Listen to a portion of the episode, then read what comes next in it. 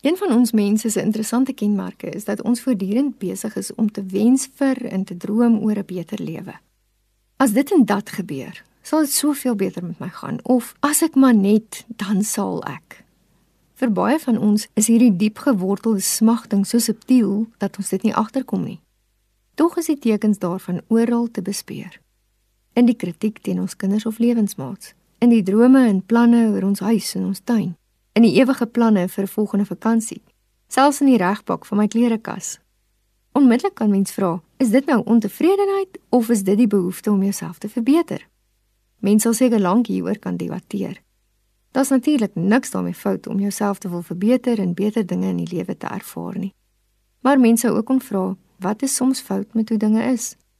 Dis juist die alledaagsheid van ons lewe wat ons dikwels onderkry en is hierdie alledaagsheid wat die behoefte na meer ontketen en wat my laat vra of ek nie baie subtiel besig is om weerstand te bied teen hoe my lewe is en eintlik besig is om ontevredenheid te verdoesel as 'n behoefte aan verbetering nie.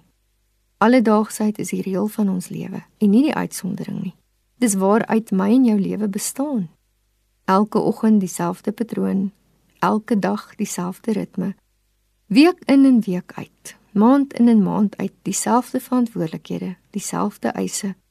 In plaas daarvan om voortdurend daarna te smag om uit my alledaagse lewe te ontsnap, word ons dalk op ons pad met God geroep om juis die alledaagsheid van ons lewe te omarm. Bestaan daar dan dalk 'n kans dat jy die reëlmaat van jou dae kan begin sien as 'n heilige ritme? Is dit dalk moontlik dat jy te midde van dit wat elke dag van jou vra, diep bewus kan wees van die stroom van God se gees wat hierdie detail van jou lewe vloei? Sou jy dalk kon begin om die alledaagse in jou lewe nie meer te sien as 'n straf nie, maar die bedding waarin God se saad in jou lewe konstant, ritmies en onuitwisbaar groei. Prediker 9 verwoord iets daarvan om bewus te leef van God terwyl die lewe om en met jou gebeur. Eet is jou brood met vreugde, drink jou wyn met 'n bly gemoed. God het lankal reeds goedgekeur wat jy doen. Dra altyd wit klere, versorg jou hare met olie. Geniet die lewe saam met die mens wat jy liefhet. Die lewe wat tot niks kom nie, maar wat God jou in hierdie wêreld gegee het. Die hele lewe wat tot niks kom nie. Dit is wat jou toekom in die lewe, wat jou toekom vir al jou gesoek in hierdie wêreld. Doen met toewyding alles wat jou hand vind om te doen.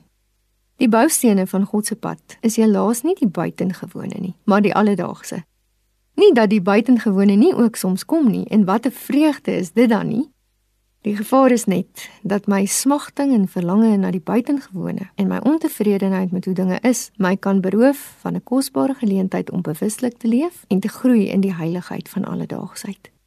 So word die alledaagse mettertyd in God se hande buitengewoon.